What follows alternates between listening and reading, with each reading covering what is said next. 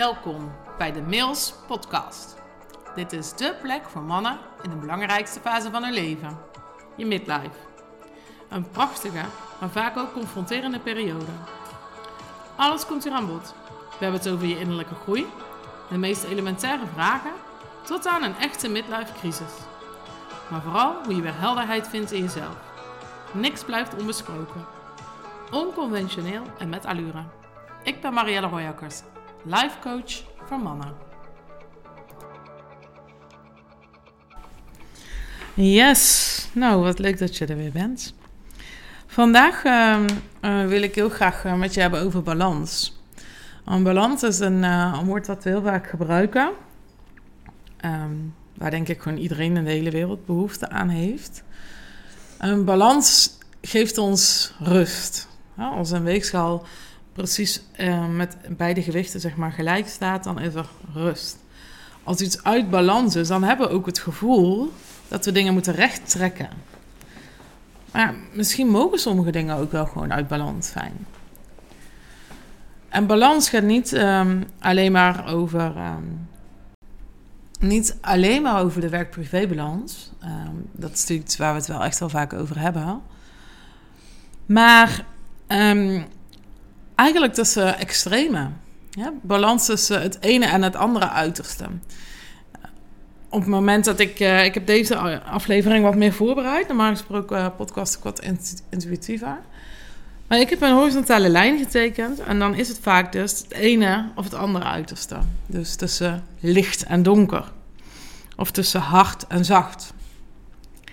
En ik denk dat we op zoek moeten zijn naar wanneer we wat inzetten. Dat het dus niet allemaal altijd in balans hoeft te zijn. Kijk, ik heb best wel wat, wat, wat mannen, wat klanten die, um, ja, die dan zeggen van... ja, maar ik zou wel willen dat ik daar wat zachter aan was... of daar wat begripvoller aan was. Of... Maar uiteindelijk hebben die skills bijvoorbeeld ook goed opgeleverd... dat je een goede onderhandelaar bent. Of um, goed kan, uh, kan inkopen, goed in relatieonderhoud bent. Dus die skills hoeven gewoon niet altijd in balans te zijn. Maar dat jij weet wanneer je ze inzet en wanneer je het ene uiterste opzoekt en het andere uiterste opzoekt, ja, dat is leiderschap. En um, dat kan dus letterlijk van het ene naar het andere uiterste zijn. Bijvoorbeeld, in, um, ik kan zeggen van, als ik me vervelend voel, het mag er zijn. Of ik kan het tegen klanten zeggen, maar het is heel logisch dat je dat zo voelt. Het is heel logisch dat je um, daar pijn bij voelt. Hè. Je mag ook gewoon even lief zijn voor jezelf en aandacht geven. En tot de andere uiterste, dat noem ik radicale acceptatie. Dat het is gewoon wat het is. Weet je, je kunt het heel groot maken, heel klein maken, maar het verandert niet. Hè? Het is wat het is. Jij geeft het een bepaalde betekenis. En jij gaat het laden met gevoel en emoties en paradigma's. En ja, of je doet dat niet. En dan is het gewoon wat het is. Ik weet niet of ik deze al een keer eerder verteld had. Maar um, ik hoorde laatst uh, een metafoor dat het leven gewoon een, een, een parelketting is.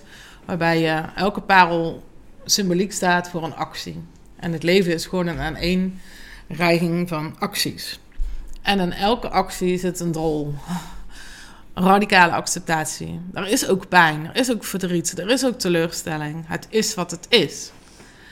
En dus op die balans, daar mag je dan gaan kijken wat jij nodig hebt. Wat de situatie nodig heeft. Wat jouw collega nodig heeft.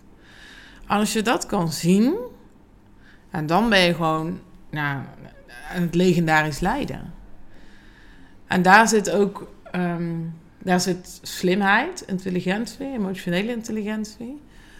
Maar daar zit ook um, zelfliefde. Dat je het aan kan kijken, dat je het kan erkennen, herkennen, zien en horen wat er speelt. En dan kiest wat heb ik hier nodig. Is het nodig dat het er mag zijn? Of is radicale acceptatie nu iets?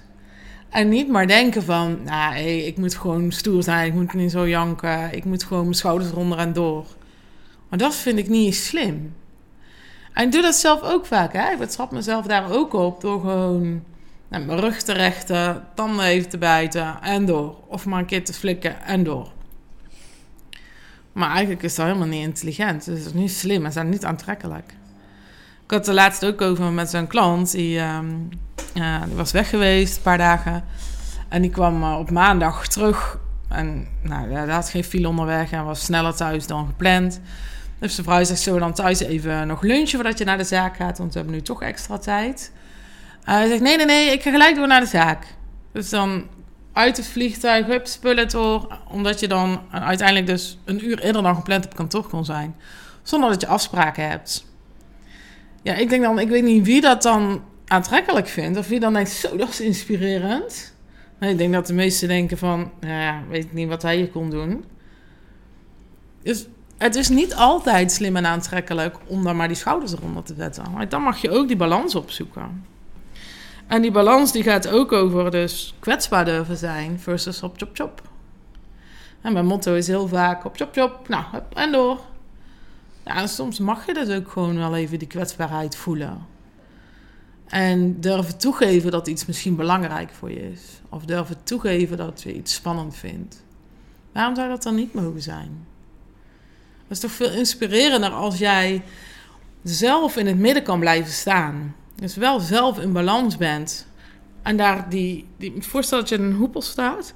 Omdat alle auto's zich om jou heen bevinden en jij in het midden blijft staan. En daarin je evenwicht zoekt. En niet altijd maar in die hop-top-chop hoeft te zitten. Ik vind dat als, als ik daarnaar kijk van een leider veel inspirerender. Dan, dan een leider die dus alles uit zijn handen laat vallen. Dat uur dan maar niet thuis besteedt met zijn gezin om nog even te lunchen. Want dan is hij, kijk even hoe snel ik op de zaak ben. Ja, ik vind het helemaal niet inspirerend. Ik vind het gaaf als hij zou zeggen: van, Ik heb nog even een uur de tijd genomen om mijn gezinnig te zijn. Ik had toch nog geen afspraken, was heel fijn. Ik weet niet wat jij inspirerender vindt, maar. En een balans bijvoorbeeld tussen um, spiritueel en aard. Ik heb het daar niet zo vaak over, over spiritualiteit. Maar intuïtiekaarten die gaan... Um, ja, dat zijn een soort friendly reminders, zeg maar. En dan heb je een stapel kaarten en dan denk je gewoon ergens aan... trek je een kaart eraan. En heel vaak zijn die van, van toepassing op de situatie die speelt. En ik heb dus ook de nuchtere andere kant in mezelf die denkt... ja, als je maar lang genoeg trekt, dan heb je alle kaarten een keer gehad. En um, jouw fantasierijke geest, die leest daar iets in en die ziet vanzelf wel ergens een toepassingsgebied. En, dus zo ben ik dan ook. En laatst was ik ergens en zei, je moet wel de kaart met je linkerhand trekken. En dat is de kant van je hart. Ik, ja, dat vind ik echt onzin. Mijn intuïtie zit toch niet alleen in mijn linkerhand? Dus ook die balans is er. Tussen spiritualiteit en aardsheid. Maar ook de balans tussen um, ontvangen en geven. Ik weet niet of je dat herkent. Ik vind zelf ontvangen heel erg moeilijk. Ik ben meer een gever. Um, en dat, ja, dat gaat overal iets kleins. Als ik het moet, moet afrekenen van, uh, uh, met vrienden van 100 euro. Uh, of het is 90 euro en ik geef ze 100 euro. En dan ben ik bij vrienden ook al snel op zeggen: oh, laat dat tientje maar zitten. En zo, ik, ik begon daarop te letten. En dan valt het op hoe vaak ik het dus moeilijk vind om iets te ontvangen. En als we het dan toch over spiritualiteit hebben, dat doet ook iets met je energie. Als je het niet kan ontvangen. Dus ik, ik zou je daar ook wel toe willen uitnodigen, even nog als sidestep, om te kijken waar dat jij dat nog niet doet. Waar je bijvoorbeeld een compliment niet ontvangt, maar doorgeeft of kleiner maakt. Um, of, het een, of je dat financieel doet of niet. Sommige ondernemers zijn echt een money gamers. Um, die kunnen dat dus ook goed, geld ontvangen, geld terugkrijgen. Um, ja, en andere ondernemers hebben, hebben wat meer moeite met de money mindset. En daar zit dus ook dat ontvangen in. Kijk maar alsof je echt kan ontvangen. Los nog van, um, van status, van grootsheid, maar in de kleine dingen, daar begint het mee. Kan je het ontvangen. En um, een balans tussen spel en serieus. Hoe vaak speel jij? Heb je gewoon plezier? Doe je iets zonder aangewezen doel of reden? En ook in gesprekken heb, maak je ook wel rol. Heb je plezier met elkaar? En hoe is die, die balans? En nogmaals, het moet dus niet zo zijn dat alles in evenwicht is, want dan is er niks. De ene keer zoek je het ene uit, of de andere keer het andere uit en daartussenin. Dus uh, overgave en voorover zitten, daar heb ik al, uh, al vaker over gehad.